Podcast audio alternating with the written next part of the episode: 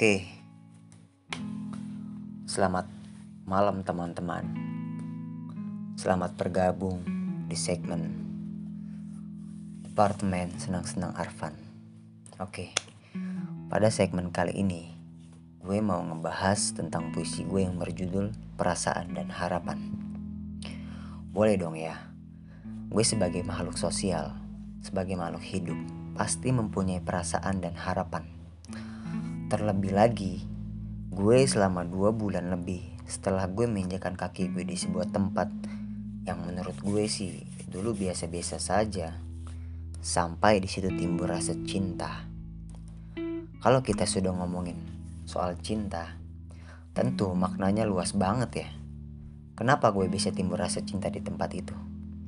Bagaimana tidak? Ketika gue injakan kaki gue di situ, gue dipertemukan oleh kawan-kawan dari berbagai penjuru Nusantara. Yang di mana mereka mempunyai kelebihan masing-masing di setiap individu, ya kan? Mempunyai pemikiran yang berbeda-beda, ideologi yang berbeda-beda.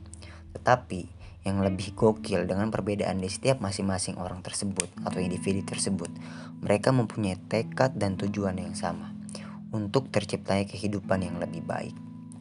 Tentu kalau kita ngebahas soal kehidupan, ini maknanya luas banget. Gitu. Di kehidupan ini bukan hanya manusia saja yang hidup, tentu ada tumbuhan, hewan, dan lain-lain. Menurut gue, kehidupan itu adalah sebuah perjalanan dan setiap perjalanan itu pasti mempunyai proses dan pasti berakhir. Tetapi kita tidak tahu nih berakhir seperti apa, entah dengan senyuman atau dengan air mata. Nah, sekarang kita kutip dari kata proses. Proses, tentu yang namanya proses itu ketika kita menginginkan sesuatu hal pasti memu pasti melalui yang namanya proses. Tidak sesimpel apa yang kita mau langsung terwujud. Di tempat inilah gue menemukan arti proses sesungguhnya sampai terbentuknya cinta, perasaan, dan harapan. Kenapa cinta? Karena sesuatu hal yang dilakukan dengan cinta akan membuahkan hasil yang baik. Kenapa perasaan? Karena ketika timbulnya rasa cinta, pasti mempunyai perasaan yang lebih. Ya kan? Kenapa harapan? Karena di balik rasa cinta dan perasaan yang dalam, memiliki harapan yang begitu besar. Dan ini semua tertanam di tempat yang indah, yaitu di rumah literasi hijau, tepatnya di Kepulauan Seribu, Pulau Pramuka. Terima kasih atas semua yang telah engkau berikan kepadaku.